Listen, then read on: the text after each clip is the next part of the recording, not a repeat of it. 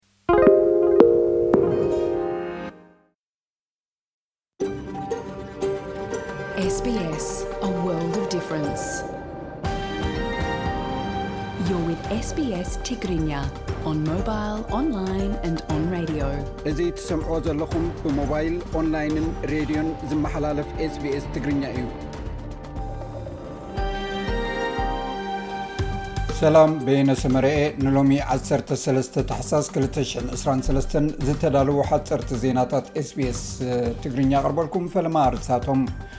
ኣሜሪካ ነቲ 23 ዓመት ዝኾኖ ውዕል ኣልጀርስ ኤርትራን ኢትዮጵያን ደገፋ ዳግም ገሊፃ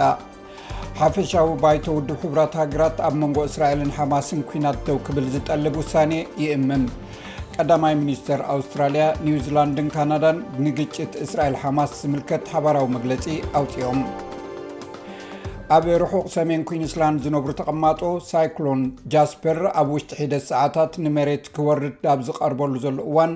ኣብ ኣዝዩ ናይ ተጠንቀቕ ኩነታት ይርከቡ እቲ ህቦብላ ሳይክሎን ኣብ ጥቓ ፖርት ዶግላስ፣ ሰሜን ሲረንስ ዝርከብ ገማግም ባሕሪ ከም ዝሰግር ይትንበ። ሓፈሻዊ ባይቶ ውድብ ሕቡራት ሃገራት ኣብቲ ኣብ መንጎ እስራኤልን ሓማስን ንክልተ ወርሒ ዝቐጸለ ውግእ ብቕልጡፍ ሰብኣዊ ኲናት ደው ክብል ውሳኔ ዝጠልብ እማመ የቐርብ ኣሎ። ሓፈሻዊ ባይቶ ወይ ጀነራል ኣሰምብሊ ኣብ ባይቶ ፀጥታ ተመሳሳሊ እማመ ድሕሪ ምቕራቡን ኣሜሪካ ደው ምስ ኣበለቶን እዚ ንካልኣይ ግዜ እዩ ንድምፂ ዘቕርቦ ዘሎ። ብኻልእ ዜና ቀዳማይ ሚኒስትር ኣውስትራሊያ፣ ኒውዚላንድን ካናዳን ንግጭት እስራኤል ሓማስ ዝምልከት ሓባራዊ መግለፂ ውፅኦም ኣብ ቓዛ ዝግበር ዘሎ ቀፃሊ ጥፍኣት ደው ንክብል ውሑስ ተኹሲ ደው ምባል ክግበር ከም ዝድግፉ ቃል ኣትዮም ኣለው። ኣብቲ ብሮቡዕ ዓሰርተ ሰለስተ ታሕሳስ ዝወፀ መግለፂ ኣንቶኒ ኣልቤነዝ ክሪስ ፍሊክስን ጃስቲን ትሩዶን ዝኾነ ይኹን ውግእ ብሓደ ወገን ደው ክብል ከም ዘይክእል ብምፍላጥ ሓማስ ኣፅዋሩ ከረክብ ኣለዎ ክብሉ ገሊፆም። ሚኒስተር ዴኤታ ሰላም ነበር ታየ ደንደኣ ኣብ ሽበራዊ ንጥፈታት ተሳቲፉ ብዝብል ክሲ ብፌደራላዊ ድሕነትን ኢንተሊጀንስ ኢትዮጵያ ተኣሲሩ። ታየ ምስ ጉጅለታት ተሓባቢሩ ንኢትዮጵያ ንምጥፋእ ዓሊሞም ብማሕበራዊ መራኸቢታት ንዝግበር መጥቃዕቲ ተቐቢልዎ ክብል እቲ ሓይሊ ዕማም ናይ ጸጥታ ኢትዮጵያ ገሊጹ። ከም ዝፍለጥ ታየ ደንደኣ ኣብዘን ዝሓልፋ መዓልትታት ቀዳማይ ሚኒስትር ኣብይ ኣሕመድ ብዝተፃሕፈሉ ደብዳቤ ስንብታ ካብ ስርሑ ምስ ወፀ ኣብ ዝሃቦ ቃለ መሕትታት እቲ ቀዳማይ ሚኒስትር ደም ሰብ ሰትዩ ዘይፀግብ መታለልን ብምባል ክገልፆ ቀንዩ'ሎ። ነቲ ካብ ሽሕን ትሽዓተ ሚእትን ተስዓን ሸሞንተን ጀሚሩ ንሰለስተ ዓመታት ኣብ መንጎ ኤርትራን ኢትዮጵያን ዝተኻየደ ደማዊ ኲናት ዶብ ደው ዘብል፣ ኣብ ዓሰርተ ክልተ ታሕሳስ ክልተ ሽሕ ኣብ ኣልጀርስ ርእሰ ከተማ ኣልጀርያ ዝተበጽሐ ስምምዕ ሰላም ኣልጀርስ ካብ ዝፍረም ልክዕ ዕስራን ሰለስተን ዓመታት ኣቑፂሩሉ ኣብ ዘሎ እዋን ክፍሊ ጉዳያት ወፃኢ ኣሜሪካ ንስምምዕ ኣልጀርስ ደገፉ ደጊሙ ብምርጋፅ ኤርትራን ኢትዮጵያን ብሓባር ክሰርሓ ከም ዘተባብዕ ኣብ ዘውፅኦ ጋዜጣዊ መግለፂ ኣፍሊጡ።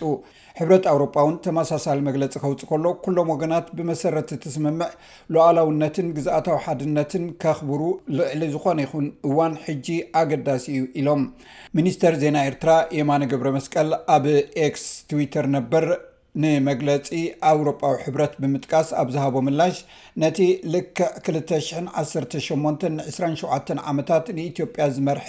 እቲ ዶብ ከይሕንጸጽ ደው ዘበለ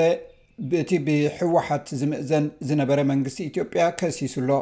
ቀዳማይ ሚኒስተር መንግስቲ እንግሊዝ ሪሺ ሱናክ፣ ንሓተቲ ዑቕባ ናብ ሩዋንዳ ናይ ምልኣኽ መደቡ ከም ብሓድሽ ክሕደስ ዘቕረቦ ህጹጽ ኣዋጅ ኣብ ባይቶ ጸዲቕሉ። እዚ ካብቲ ኣብ መንጎ ብዙሓት ኣባላት ፓርላምኡ ዘሎ ተቓውሞ ብምድሓን ዝተረኽበ ደገፍ ኮይኑ፣ እዚ ነቲ ኣብቲ መንጎ ሰልፊ ዘሎ ዘይምቅዳው ዘጉልሐ ፍጻሜ እዩ ነይሩ። እዚ ዓወት እዚ እኳ እንተ ረኸበ፣ እቲ ውጽኢት ዘመልከቶ እቲ ቀዳማይ ሚኒስተር ግን ነቲ ሰልፊ ክቆጻጸሮ ይጽገም ከም ዘሎ እዩ። ኣብ ኩዕሶ እግሪ፣ ኣርሰናል ብኣስቶን ቪላ ድሕሪ ምስዓራ ኣብ ኣይንድሆቨን ኣንጻር ፒኤስቪ ኣብ ሻምፕዮንስ ሊግ ማዕረ ብምውጻኣ ትንፋሳ መሊሳ። ኣርሰናል ብኤዲ ነክትያ ኣብ መበል ኣርብዓን ክልተን ደቒቕ ብዘመዝገባ ናይ መጀመርትኡ ናይ ሻምፕዮንስ ሊግ ሽቶ መሪሕነት ሒዛ። እንተኾነ ዩርቤ ቨርተን ግን ኣብ መበል ሓምሳ ደቒቕ ብዘመዝገባ ሸቶ ብማዕረ ክልቲኤን ጋንታታት ተፋላልየን። ሎሚ ዝውዓለ ኩነታት ኣየር ቀንዲ ከተማታት ኣውስትራልያ ኣብ ፐርዝ ፀሓይ ዩ 28 ዲግሪ ሴንቲግሬድ ኣብ ኣደላይድ ክካፊ ዩ 26 ኣብ ሜልበርን እውን ክካፊ ዩ ዝለዓለ 33 ዲግሪ ሴንቲግሬድ ኣብ ሆባርት ክዘንብ ዩ ዝለዓለ 30 ኣብ ካምቤራ 33 ኣብ ሲድኒ ብከፊል ደበና ዝለዕለ 29 ዲግሪ ሴንቲግሬድ ኣብ ብሪስበን ብከፊል ደበና ዝለዓለ 30 ዲግሪ ሴንቲግሬድ ኣብ ዳርዊን ዝለዓለ ሳላሳን ኣርባዕተን ዲግሪ ሴንትግሬድ ባር ሰማዕትና ነዚ ሰዓት ዝተዳለወ ዝሓፀርቲ ዜናታት ኤስቤስ ቅድሚ ምዛመይ ኣርእስታቶም ክደግመልኩም